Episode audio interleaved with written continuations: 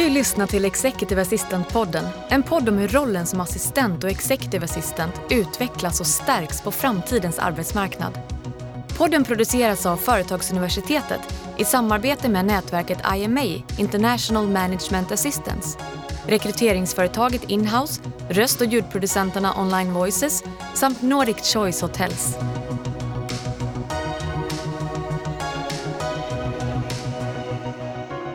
Välkommen till Executive Assistant-podden där vi pratar med världens bästa kollegor om världens bästa jobb. Jag heter Daniel Kjellson.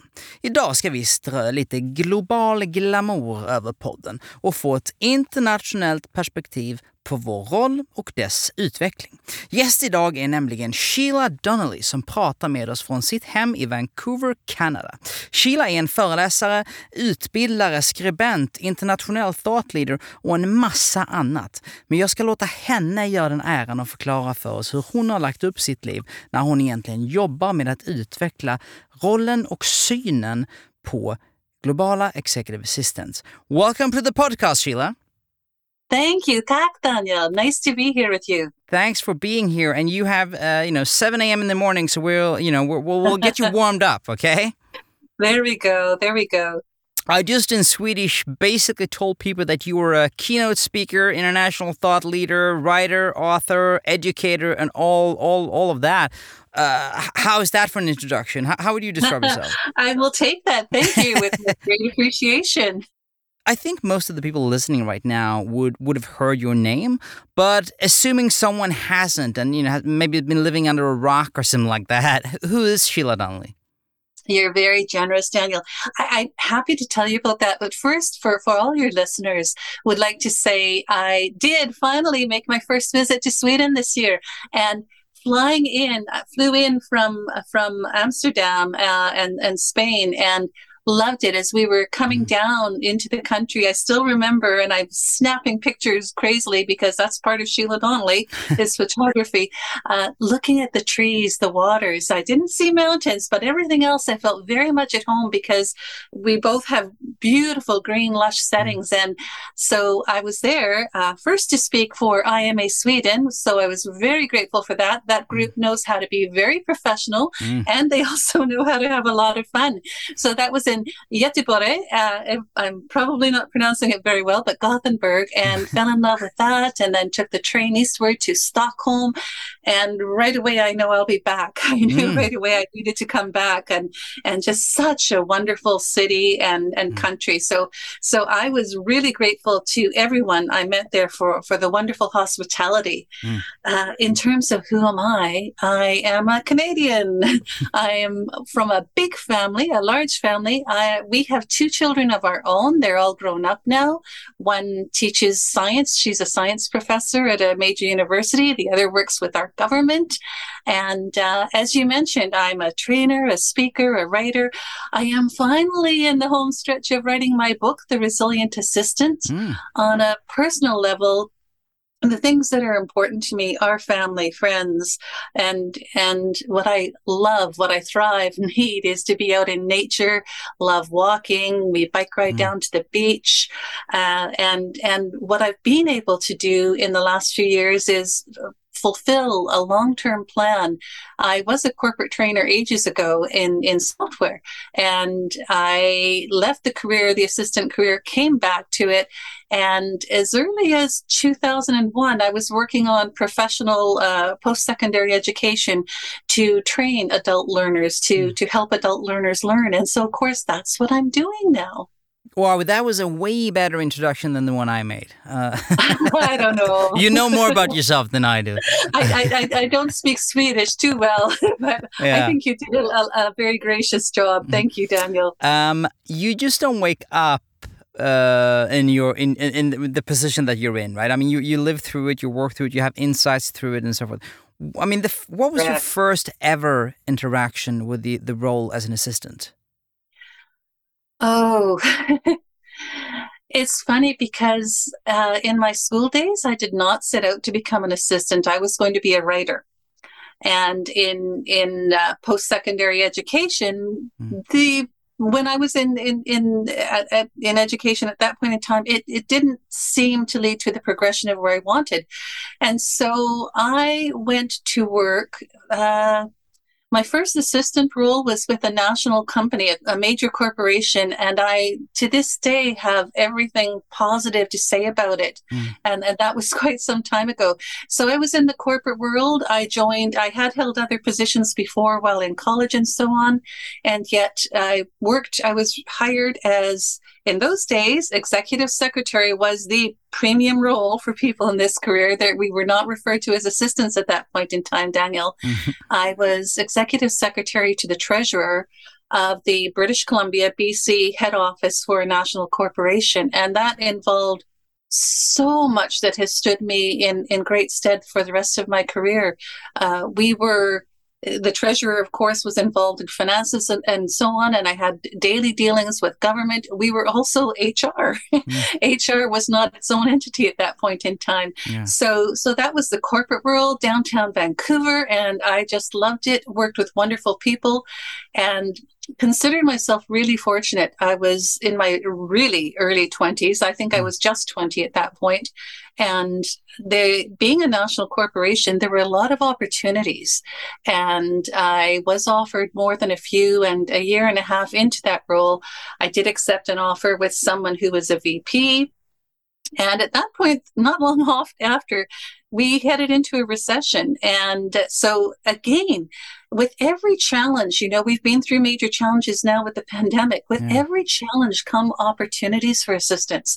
And we were, we laid people off. And mm. uh, as people were laid off, one of the first to go uh, was the head of marketing and then his executive secretary. So guess who got to learn all about marketing and, and communications? And before long, that VP was promoted to the top of the org chart in, in BC. And then I was invited to move along with him. That was, that's a wow. snapshot. Yeah. That, that, I mean, and you know, if, if, we all envision a long timeline where sort of the, the start of your career is on the left and, and current day is, is to the right, we're going to be jumping, you know, sort of up and down that timeline.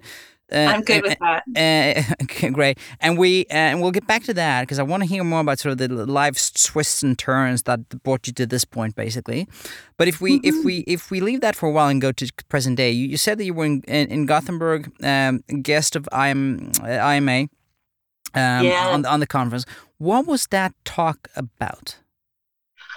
That speech and presentation mm-hmm. were about assertiveness in the mm-hmm. career, mm-hmm. how I I have seen assistants everywhere who are stellar, wonderful, super at asserting for other people, acting on other people's behalf, uh, taking taking uh, not necessarily charge, but but ready to jump in and and and and be proactive and and speak up on behalf of their principals, their executives, the people with whom they work, their colleagues, their stakeholders, and yet assistants are sometimes hesitant to to advocate on their own behalf, to promote mm. themselves and, and, and, and what they do in the career yeah. and to be assertive. So that was, that was that presentation in Gothenburg. Mm. And I'm, I'm smiling, I'm laughing and still not quite 7.30 our time, but I'm almost dancing because I remember the, the conference organizers had music for everyone coming onto stage and mm.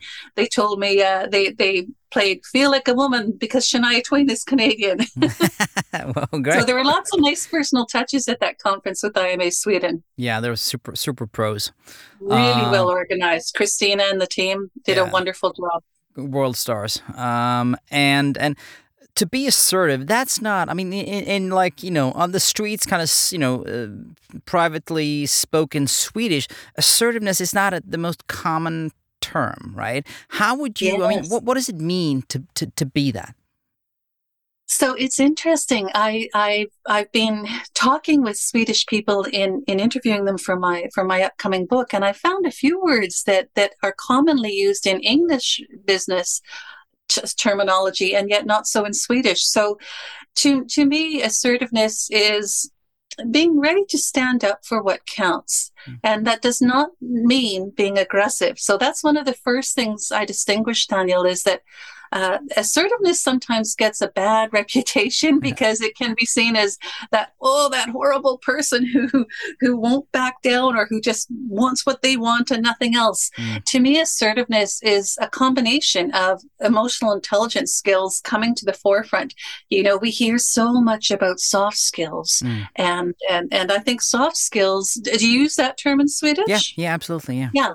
So, so, I think soft skills is, is a bit of a misnomer. Yes, there's the, the kid glove handling sometimes, and yet soft skills is really being able to be aware of not only our own what's going on internally with us, mm. being aware socially with others, and being able to navigate what you want, what you need mm. in a gracious, diplomatic manner, and being able to speak up for it. Because I think, and I've experienced this, and I spoke about it in in Sweden so often it's easy because we're all consumed with ourselves yes yeah. we, we we focus on ourselves and we're concerned sometimes that others are dwelling on every little thing we do where everyone really has their own priorities and mm. so it's easy to think others know what we want what we need what we're capable of what mm. what project might interest us what skills we'd like to demonstrate mm. and so the reality is especially with with assistants and executives if you think that all everyone has been going through in the last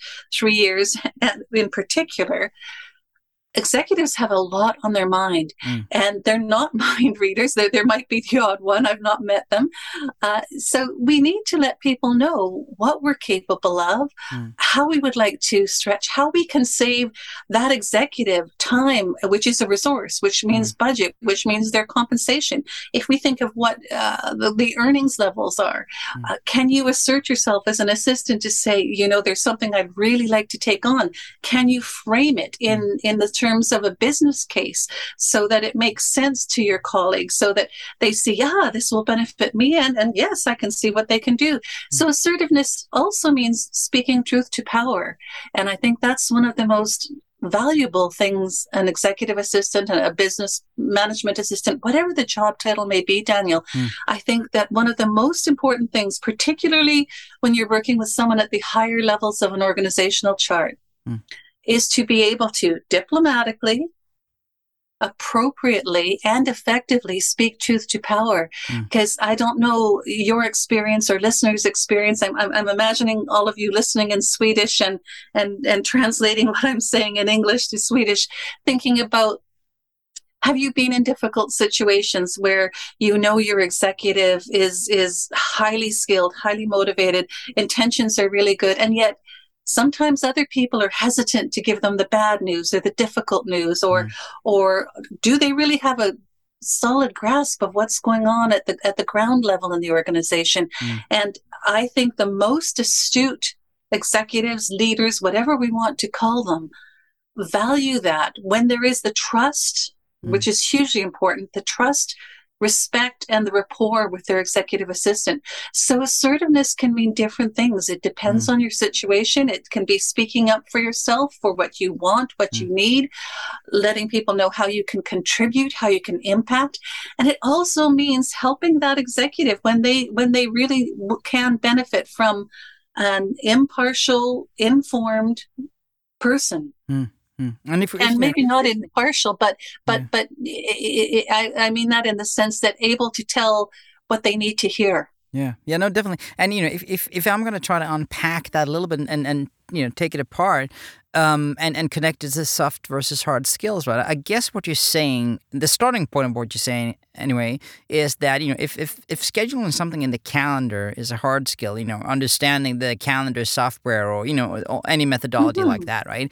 Then the right. the soft skill and and leaning into what you're talking about is is seeing that appointment or whatever that is and and questioning the priority level of that or how is that going to affect the executive's day or is it is it correctly uh, prepared I mean, are, are the people walking into that meeting, you know, taking it that step further and realizing the emotional intelligence and putting it in the sense of what's the business case for this particular particular appointment? I mean, that's sort of what you're saying, and then riding that wave, right? That that's definitely part of it, Daniel. So so it's looking beyond our noses. Mm. so we're we're going beyond uh, tasks or transactional activities And really, to do this, you do need to have a sense of what are the executives' goals, priorities, deliverables. When we think about strategic planning, and I speak about why assistants do well to understand acumen areas of acumen such as strategic planning, risk management, cybersecurity, all this, mm. the more we understand things through the lens of the executive, of the person we're supporting, whatever their job title may be, mm. the better informed we are able to to, as you say, determine is this does this merit an appointment? Mm. Do we have the information we need to support the discussion, the decisions, the outcomes that we're trying to achieve, mm. and and where does that fit in with everything else, with all the other priorities, the deliverables? What are what is the urgency and and and so on? So so yes, that is very much part of it. Mm-hmm. And and you know if if we anchor that and then you know um, go back on that timeline we discussed, uh, you started out uh, as an assistant or as a secretary, like as you said. Yes. Um, was there a point where you where you sort of uh, you know got hit by the bug, or you know when you felt like, wow, this is a profession that I could make into my own?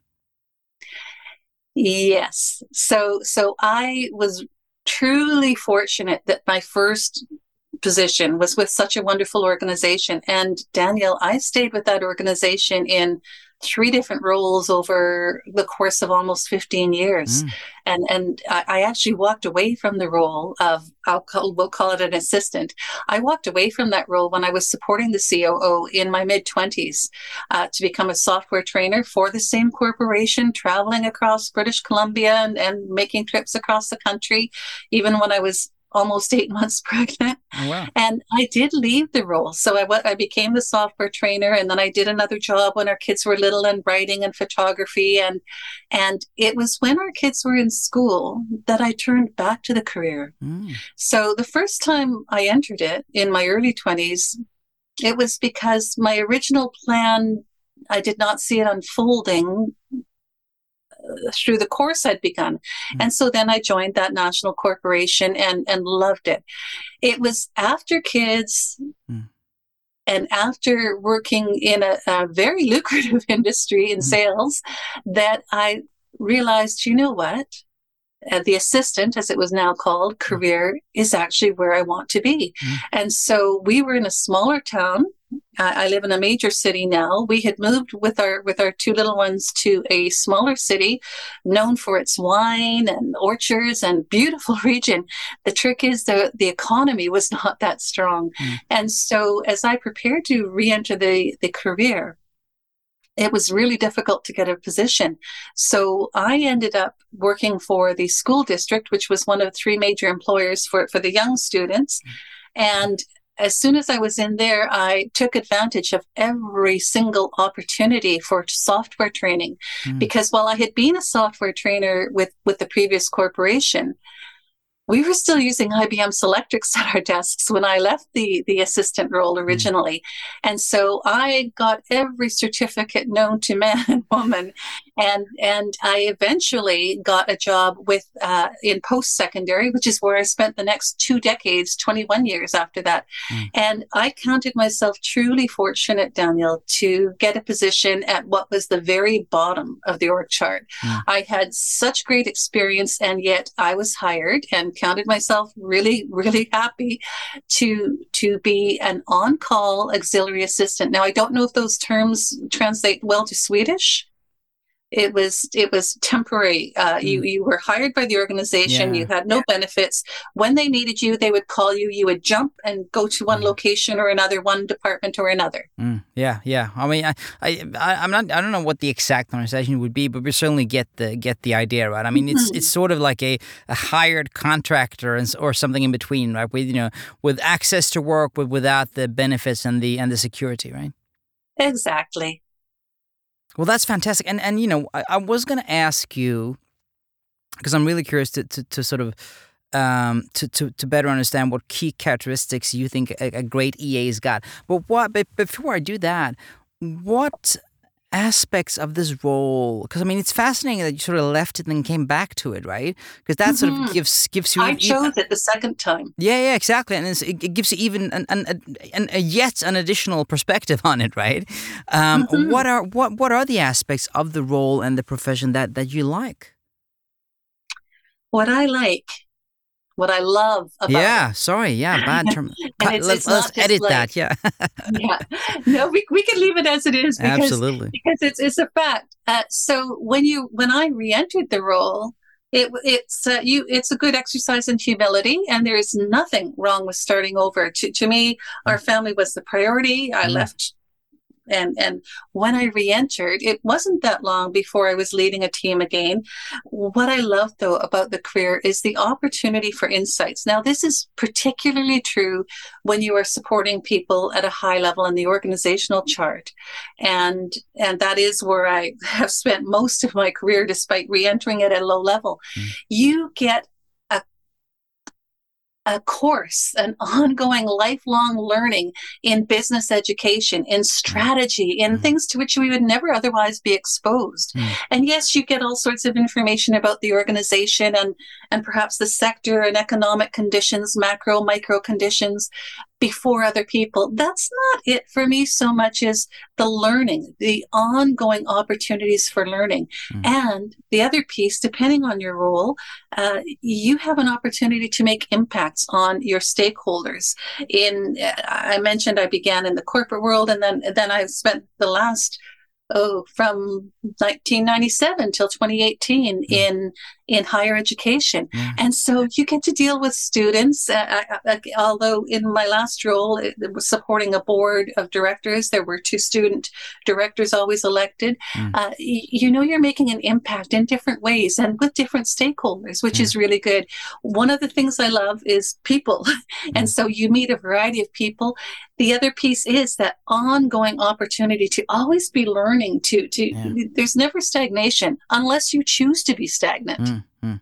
Yeah, no, hundred percent, and and you know, I've I've seen that myself, right? And and I keep telling people on on this podcast that exactly what you just described is is sort of you know I I sometimes feel like I've, with with understanding this role, I've found a secret to some extent, you know, that I want to be telling more and more people about, right? The, the recipe? yes, exactly. I mean, not the recipe, but more like the fact that you've discovered something that has been not widely discovered, right? In terms of how fascinating and absolutely fantastic this job can be, right? Uh, with It that full access, with the, I mean, it's just, it's just, I mean, yeah, I, I, I think just think it's a tremendous job.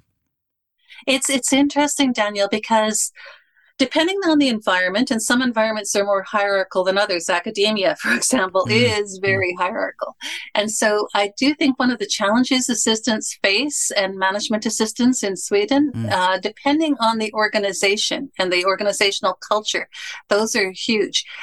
Some people underestimate or undervalue the role Mm. and have no concept of the the the knowledge the insights the capabilities and the actual contributions assistants make and Mm. when you have that good fit of the right assistant and principal uh, executive however we want to Mm. f- phrase that term and organizational culture it is a career that has so many opportunities Yeah. and and and it's a it's a really a terrific one Yeah, and that I, I guess that's why a lot of you know a lot of colleagues uh, you know keep saying, and I would guess that you agree that this job particularly is, is less about choosing an employer, more about choosing a boss, right?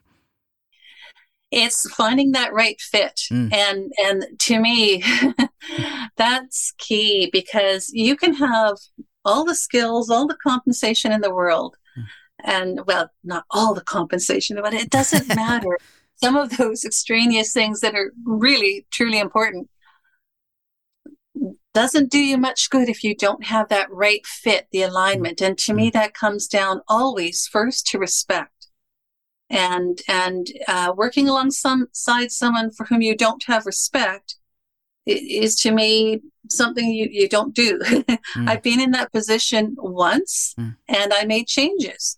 Uh, so so respect is at, at the core of it. And over time you, you build up the trust mm. and hopefully in between having that initial respect and building that that solid sense of trust and I've got your back, I'm supporting you and that being reciprocal. That's the huge thing that mm. needs to be both ways. Mm. Uh, then you then you build trust over time. And if you have a good rapport then the rest is is just give it time and and and that's where you're positioned for success mm. you could have all the credentials all the connections you want and if the two of you don't have that that those common core requirements met it's not good and mm. when you do you've got a wonderful career ahead of you mm. Yeah, absolutely. And, and you know, so and let's cut some corners here in this, and, and let's go straight on to that, right? Because you, you mentioned respect, and that's being at, at the core of it, right? What other? Yes, to me. Yeah, yeah, exactly. And and you know, I would one hundred percent agree. And what are these? Are there any other sort of key characteristics um, of of a what you would describe as a great sort of EA and executive, or EA or manager, or similar uh, of that partnership? Certainly. So professionalism to me is core. Mm it's always been core. And i remember in some circumstances where where training or learning opportunities for assistants centered around chocolate making or wine tasting. And don't get me wrong i love both of those. Yet to me if if an assistant an executive assistant management assistant wants to be seen and regarded mm. as a, a, career person and, and treated, afforded the same degree of respect as the executive, you need to act it yourself, not just act, but to, to be that way. So, so on my on my list of attributes, the professionalism is is core, and that implies uh, ethics, trustworthiness, mm. uh, diplomacy, and so on. Then another thing that I think is key, and and you may gather this when we're talking about the the excitement that comes with ongoing learning is being mm. curious. Mm. Again, looking beyond our own nose, mm. understanding what the executive's deliverables are, what's expected of that person in terms of the strategic plan, KPIs, key performance indicators, metrics, uh, and and so on. Hmm. What what are they expected to deliver? Hmm. And so, if we're not paying attention to what's on their list, uh, it's difficult to provide the support they need. Mm. I think the, the keys in terms of trust and respect, which are crucial, mm. that applies and extends to all your other stakeholders. I don't know about you. I have seen in my career people who will treat people differently based on where they are in the organization chart mm. or how key or important or unimportant they perceive a stakeholder to be. Mm. So to me, treating everyone mm. with respect mm. and commanding respect as well. It's not just a one way street. So treating everyone the same way you would want to be treated, whether they're the CEO, the chair of the board, or the person in the mailroom. Mm. Uh, if organizations have mailroom staff anymore. But uh-huh. so respect, curiosity, treating people well, being learning, lifelong learning is, is hugely important. Mm. And so we've got skills, the technical skills. There are two other things that, uh, among many others, that I think are really, or three that are really important. Having confidence in yourself. And that confidence comes by grounding yourself in credibility, having the skills, working on yourself. We always can work on ourselves and continue elevating our professionalism, our, our insight, our knowledge, and so on, and, and being able to speak truth to power.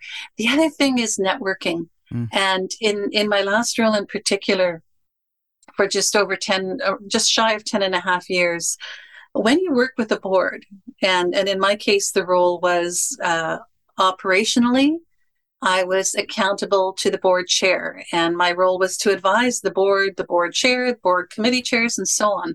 Administratively, I was accountable to the CEO. Mm. And you can imagine in a mm. role such as that, and I would think many of your listeners are in roles where whether or not you support people near the top of the org chart, you're privy to information and you're exposed to situations that are sensitive, that are confidential. So, of course, you need to maintain all, all that confidentiality and, mm. and uh, function with integrity. Mm.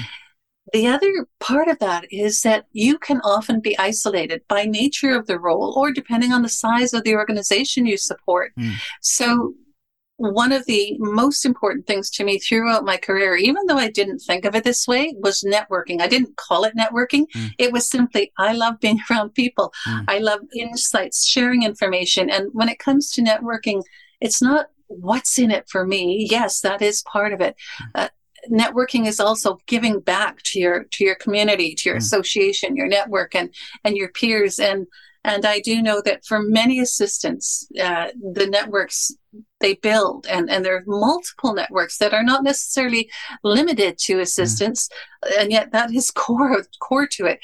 Those are hugely important in your career success and your satisfaction, and without ever breaching confidentialities, yeah. helping one another. Yeah, no, no, hundred percent. I, I couldn't agree more. Right, and and and and with that, just you know, doing the, you know, I'm so spoiled now with time traveling along your timeline. So I'm just making the most of it, as you can hear, right? Uh, um, but but you know, the, traveling again forward to, to present day, I just thought it was so fascinating because you know, building on on that sort of block of what we believe to be a, a great assistant and a great partnership. I just love what you said there in mm-hmm. terms of recessions and downturns and and, and even even. Uh, uh, challenges generally uh, being yes. op- being opportunities for assistants, right? Please, can you elaborate on that? Because I think, I mean, you know, timely to say the least, right? Certainly, certainly, Daniel. Yes, and and you know, I know that for for some people in the career, 2020 marked perhaps one of the first major stumbling blocks in a career. Mm. We we all will have stumbling blocks as we go through life. But you're right. I've been I've worked through recessions, boom times. Uh, with the same corporation, worked through uh, a corporate merger, a nas- the merger of two national companies, mm. and I was in the offices working alongside the CEO of the organization that was remained in in charge mm. and and we merged people into the organization and then later in the public sector i was part of some people call it divorce uh, we worked at a university college in that smaller community. Mm. Uh, it's not so small. It's Kelowna, British Columbia, wine country as it's known. Mm. Uh, the major university of British Columbia, where our daughter teaches, is based in Vancouver, and it sought and citizens in Kelowna sought a foothold for that university in Kelowna. So, long story short, that organization split into two. So, mm. the dissolution of one institution, mm. and then a few months later, uh, I I I was offered opportunities at both. I chose the smaller one that was a seven minute drive from home. And then a few minute, few minutes, a few months after that, I was working alongside the CEO while his assistant and my friend uh, mm. was on maternity leave. Mm. And so we were establishing the culture of that organization. So for people who are struggling, and I know many, many are having challenges still with mm. we're are we hybrid? Are we remote? Are we in mm. person? I don't like this. Uh, these changes are difficult, or I miss people. Whatever's going on with people. In in my webinars and presentations, I really do, Daniel, encourage mm. people to to view change, not just challenges and difficult times, change itself mm. as an opportunity. So, for example, as we went to hybrid meetings, remote meetings, are there meeting practices as, as an assistant you think could be, should be improved, and yet people are stuck in their ways. And mm. there's what some people, I don't know, do you have a term in Swedish for resistance to change? oh, yeah. I think everyone can relate to that. Yeah. yeah. Yeah. So we know people don't always love change, and sometimes we're the people who don't love change. Change is hard, yet, too. Yeah. It, it can be. I, mm. I thrive on change. I would have been bored to tears in the being in the same job all my career, Daniel. Mm. And that's part of why I love traveling, working with assistants in different countries, different cultures, and so on. Yet, yet if we think about the the pandemic and what's gone on, mm. if if you're an assistant who's listening and and there are things you have seen could have been handled better or done better, whether it's calendaring, meetings, or whatever it may be this is a time where, yes, people mm. might be feeling drained in some instances or mm. whatever approach they may be feeling. We are in a period where all of us, individually, collectively, have had to change our ways. And so you may find people more open to discussion of, of change, of new practices, new ways of tweaking. To, is tweaking a word you use in Swedish? Yeah, or sure. what would word would Yeah, you say no, for no, that? no, that's absolutely fine. We're, uh, you know, we're all good with Swinglish, as we call it here. So you can all those words. I. Yeah, I, you know, I'm so impressed with the language skills of, of Swedish and European assistants in general. So, so whatever it may be, whether it's uh, do we use consent agendas in meetings? Do we do time allocations in meetings? Do we uh, do we require that people who are providing us materials for a meeting must present the motion, the proposed motion or resolution, so we can embed that in the agenda, so that we're not wasting time during the meeting reworking and, and wordsmithing language for emotion, Mm. whether it's that or whether we decide, you know, uh, now I'm supporting more executives than ever. Can we do some more color coding for one one executive or the other, whether it's diaries or whatever it might be, whatever things improvements opportunities for improvements or change Mm. you have been oh wishing wishing you could introduce Mm. Be proactive. Realize that that this is a time when people can perhaps be more receptive than before to change. Mm. and the other thing that i think in terms of difficult times and and you know i know assistants in some countries are are still now in an uh, um a candidates market where there are lots of opportunities. I'm not sure about sweden right now. Mm. i know in other countries assistants are concerned about keeping their jobs Mm. because of recession worries. And so I think that, all right, we know that that Europe is in for challenges with with costs of and supplies of fuel and so on this Mm. winter and we're in the midst of inflation and recessionary concerns at the same time and think to the future could this have implications for my workplace and then what we can do is think how I, I don't mean it in an opportunistic sense. I mean it in terms of how can I prepare for this? Does this give me an opportunity to learn more? Mm. Uh, what can I learn? How can I expose myself to understanding more about the sector Mm. so that we're also in not only introducing change or I- I say I embrace change, Mm. and, and for those who don't embrace change, I say, well, at least hug it or give it a handshake and think about what we can do to prepare ourselves for the future. We hear about future proofing a lot, Daniel, Mm.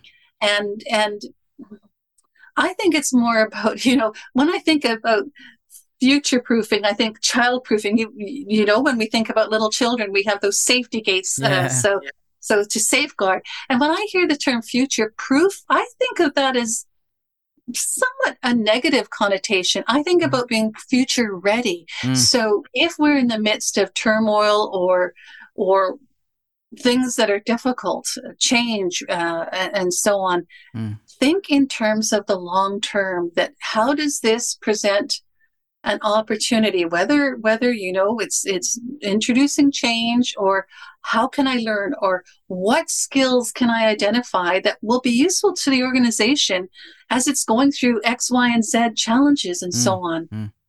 Yeah, and and I I loved what you said with with future proof there. You know, I'm I'm definitely guilty as charged as well. I use it all the time, and and hearing you talk now, it's it's obvious that it's. You know, it, it's it, at the very least, it's sort of incorrect, right? Because it sort of assumes that change and, and developments and, and, and evolution is static, uh, and that they, Yes. that you can get to a point where you are future proof, which is incorrect, right? We, we have to evolve all the time. Um, and, and that's exactly what you're saying. And I'm just so curious when you, I mean, when you talk now, I, I, I kept coming back to this notion of when you came back. I'm not going to time travel that much more now, but I'm but good with it. I'm, I'm good. hey, I, I'll be in Australia this evening. Well, We're hey. delivering a national webinar Oh, virtually. I'm getting dizzy. the next day there. uh, no, but just thinking back to when you came back into the role and maybe Yes. did not feel completely up to date with the latest and the greatest and all of that, right? But quickly went to work and sort of and, and now today you're you know at the forefront of thinking about the role, right? How did you approach your own sort of development, understanding your own, you know, you know, I mean, elevating your own operations and that whole. It seems like you sort of you have it in your in your in your core to some extent, right? But were there any anything, any tactics, any thinking, any planning that you can share? Definitely. Thank you. It, it was going back to school. It was Mm. taking, and literally, Daniel, Mm. I think I had 16 or so certificates that while I was underemployed, while I was working at the school district, mm. and, and I'm not uh, uncomfortable saying it, I could not get a job at first as an assistant mm. because it was a smaller community. There were three major employers. It was really difficult to get in. So, you know what? When mm. R2 began school, mm. I became what's called in Canada or in BC a noon hour assistant the schools would hire mums, typically mums, mm. who would be paid an hourly wage mm and they would supervise the playground at, at lunchtime mm. when the mm. kids were outside, making sure the kids were safe, intervening if there was anything wrong going on to, yeah. to safeguard the children. So while I was in that role, and I, I, had skills that were far above that, I was never too humble mm. To start over. That's one thing. Never be too sorry, never too proud to start over. Mm. You, you, you need to be uh, not not humble to the point of not asserting yourself or being confident, but humble in terms of there's a time for everything mm. and, and prioritizing what makes sense for you in your life and your career. And so it was learning while I was being that noon hour supervisor mm. and, and I enjoy kids. I love them. And I was taking each of those courses to prepare myself to try and get into the workplace again. Mm. And then when I was in the workplace, I took advantage of every professional development opportunity I could. The nice thing is that while I was hired as the, the junior person who would be called in for a role here or there for a day or maybe three months one time, mm. uh, within the year, I was hired as executive assistant to a dean. Mm. And that meant that I was leading a team of six women I was the second youngest of them. Most of them were much older than me. And they were not a happy team, Daniel. Mm-hmm. So, what I ended up doing was creating professional development opportunities to, to do team building. Mm. So, if there aren't opportunities, create them, make your own. Yeah. In that organization, I launched with, with another colleague, and that's something that to me is, is huge, is collaborating. Never think we are the only person who can do something or that we need to reinvent the wheel uh, at collaborating with other people. So, with another executive assistant, mm. we launched a, a, conference for the assistants in our two faculties. Mm. And that soon spread to all the faculties. And, and I named it, it was the theme was always, You make a difference. Mm. Because I do believe that in many cases, assistants are, are under recognized and the hmm. skills people bring to the role may, depending on the colleagues, be under recognized. So mm. created that, and that actually ended up becoming a an institution wide conference. And in both of my last organizations, I launched internal networks, mm. and we created. In in the case of the second one, we termed it a community of practice. Are you familiar with that term? No, I don't think so. No. So the idea there is that it's it's a group of peers, and when we think of community of practice, if you think of terms such as best practices and so on, it yeah. speaks to the the focus of the network that you are a community you are there to support one another mm. and and you identify learning opportunities and so with the with the first one uh, and these were both with major public institutions I went to the CEO and made the business case, and and I was very careful to collaborate with with people with HR because you don't you want to be aware that there are toes there that mm. don't like to be stepped upon. and, Often and, and it's so HR toes. yes, yes. But, but, the other thing too is that that we can all uh, benefit when we listen, when we're open to other ideas. So, long story short, uh, to this is a long-winded way of answering your question. Always learn. Yeah. If there are no learning opportunities, or if you don't have a budget, you do not have to pay for every learning opportunity. Mm. You can learn, especially now with, mm. with online resources and so on. And and most years, by the way, since since I began doing this full time, which is mm. only 2019, mm. and then we got the pandemic. uh, however, most years near the end of the year, as a thank you to the assistant community, I mm. give a free webinar. Mm. And and I I send the information out first to people who subscribe to my newsletter, and yet I make it publicly known. And it doesn't matter to me if you've been a client of mine or not.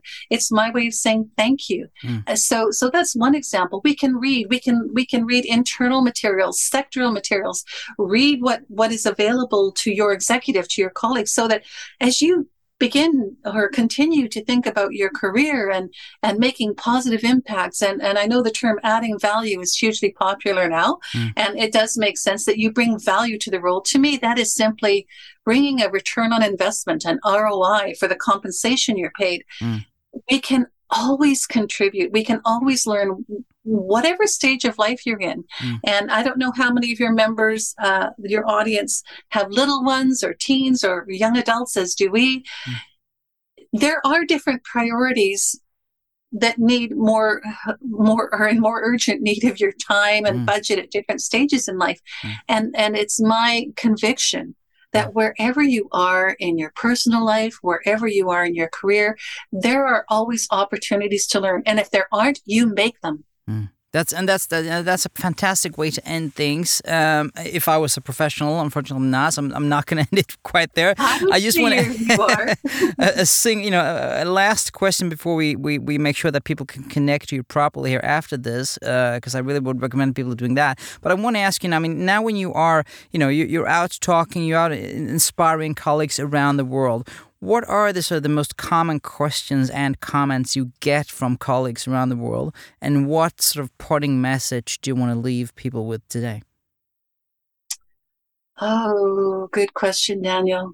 And don't undermine your professionalism, by the way. I think you're doing a terrific job. And I've listened to other interviews you've conducted on your podcasts, the English language ones. I I do I do think it's that future readiness. So mm for example, I'm on the road this fall again, starting Saturday. I'll be in, I'm working with m- major employers and and with conferences and the, some of the topics it's it's interesting it aligns with the book i'm writing the resilient assistant mm. i am giving for example a four hour uh, session to mm. assistants from across the state in the united states on resilience and openness to change Hmm. So that is something there that employers have targeted. It's yeah. it's the employers listening to their assistants. Uh, when we go to conferences and so on, mm. resilience is huge everywhere. Yeah. Uh, I think for many assistants, it's relevance. And again, I, I mentioned earlier that it's it, partly a reflection of where you live and work, mm. what the economy is at any given point in time. Mm assistants in the UK right now, a lot of them are thinking about interview skills, job applications mm. and and and and so on where where for others it's it's remaining relevant being seen as relevant and, and as adding value to the organization and, and as a resource to the organization i think that mm. for for many people it's there there are people who are focused on the skills mm. and and you know minutes are always huge. People have questions about minutes. I, I do think for, for assistants, and, and let me know, please, if you're encountering something different. Uh, mm. Communications are huge yeah. because when we think about remaining relevant, mm and and being able to adapt to change with so many are which so many are it comes down in some cases to emotional intelligence those mm. people skills that are called soft skills mm. and and and to what i like to think of as being future ready how do i prepare myself for this to continue as a long-term career with it's funny because three years ago everyone was talking about AI, artificial intelligence, and mm. so on, mm. and of course the pandemic has has yes, of course that's a fact of life. Yet people have have come to pay attention to more immediate things. So so the, the questions really come down to to some technical, a lot of technical matters, mm. and and also to communications. And so I see I'm seeing an increase too in when I'm asked to present on on business communications, on writing, and and on on the five channels of of nonverbal communication and things like that. Yeah. I, I, think it depends on the the region, on someone's career, mm. on someone's stage in their career. Some people leadership is something we hear a lot about, and I'd love to know what you think, Daniel, because a lot of people who are providing training. Mm. Uh, um, are focusing on leadership. And I do believe mm-hmm. leadership skills are important in service well. Many assistants are really happy to be leaders in their own rights and, and may or may not be focusing on leadership. So I think that's an interesting one that it's it's uh, are, are, you seeing a lot of interest in that? Yeah no definitely and i think everything you said as well it, it's sort of reflective i guess on the world we live in right? I mean we all see we've all seen over the past couple of years and still today the world moving faster and faster accelerating change you know we, we encounter situations we've never seen before. We all thought yes. that re- re- remote work would never happen to us and then all of a sudden it's commonplace everywhere you know and i think we're all just sort of finding our place in that world right um, and, and, and I guess you know also a great parting message here today because I think this is something that you would definitely sign on to, and I guess it's sort of what you're already saying, right? But in that environment, it strengthens the market for executive assistants, right? It makes us more valuable. You know, with disruption, evolution, change, you know, choose your own terminology, that's a fantastic place for this role. I mean, if everything was just static and exactly the same, then we can be you could automate a lot of things, right? But in this ever-changing world, I think an assistant is more valuable than ever. I think that's a great way to put it. I would add one qualifier. An effective executive assistant mm. is more valuable than ever, more important than ever. Mm. And it's it's you know, I know we want to sign off, and yet I find it interesting when people send me invitations to connect on LinkedIn. Guess mm. what? I'm seeing more people in the career who have segued into this career mm. from something entirely different. Yeah. So there's always room for good people. Mm. And, mm. and it's, I find it interesting that in these challenging times, mm. people are turning to the executive assistant career. Yeah. From yeah. completely different roles, backgrounds, and training. Exactly. Yeah, no, I mean, exciting times. Exci- ex- absolutely, and exciting times ahead, right? And you know, the book is coming out. You have, yeah, I mean, webinars. You have great articles. Where, where, where? I mean, if if you want to connect with you after this, is it LinkedIn the best way? Is a website? Where do you want to point people? Thanks, Daniel. Everywhere. yeah, exactly. so, so uh, photography is a huge interest of mine. Yeah. Uh, if people are interested in seeing what's up, what's going on, I'm on Instagram as Exceptional EA. Mm-hmm. My website is exceptionalea.com, and I would love to hear from people at LinkedIn. And just enter my name, and you'll find me. And and if you're sending, if you're thinking of sending a, a, connection request, or if we're already connected, you hear this, you'd like to touch base, please do. And if we aren't already connected, let me know, please, that you heard me speaking with Daniel. Yes, exactly. Give me some street cred. I think it's already, you've already got a good supply of that. Sheila Donnelly, yeah. thank you so much for your time here today. Super appreciate it. You're an inspiration to a lot of people, and uh, you give me a lot of energy when I when I read your your your texts, see the webinars, and, and yeah, I can't recommend it enough. So thank you so much. Thank you, Daniel. Pleasure to be here. Du har lyssnat till Executive Assistant-podden, producerad av Företagsuniversitetet i samarbete med IMA, International Management Assistants, Inhouse, Online Voices och Nordic Choice Hotels.